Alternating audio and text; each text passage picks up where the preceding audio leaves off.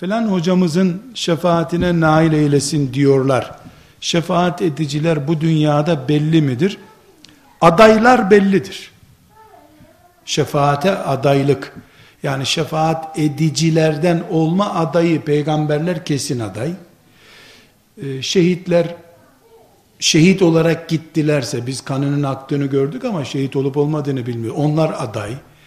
Bu adayların adaylığı kabul edilirse kıyamet günü e, onlar şefaat edecekler.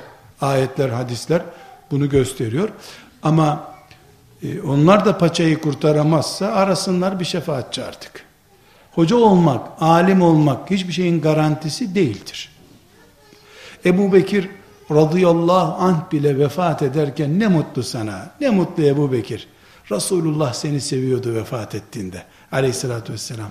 Biz de çok memnunuz. Fetihler yaptın, Kur'an'ı cem ettin, ne mutlu sana denince ne cevap verdi hanım ablalar?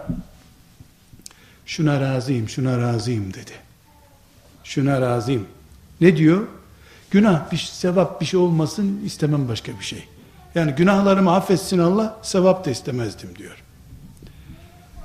Böyle her sakal bırakan, her mikrofonun karşısına çıkan, e inşallah.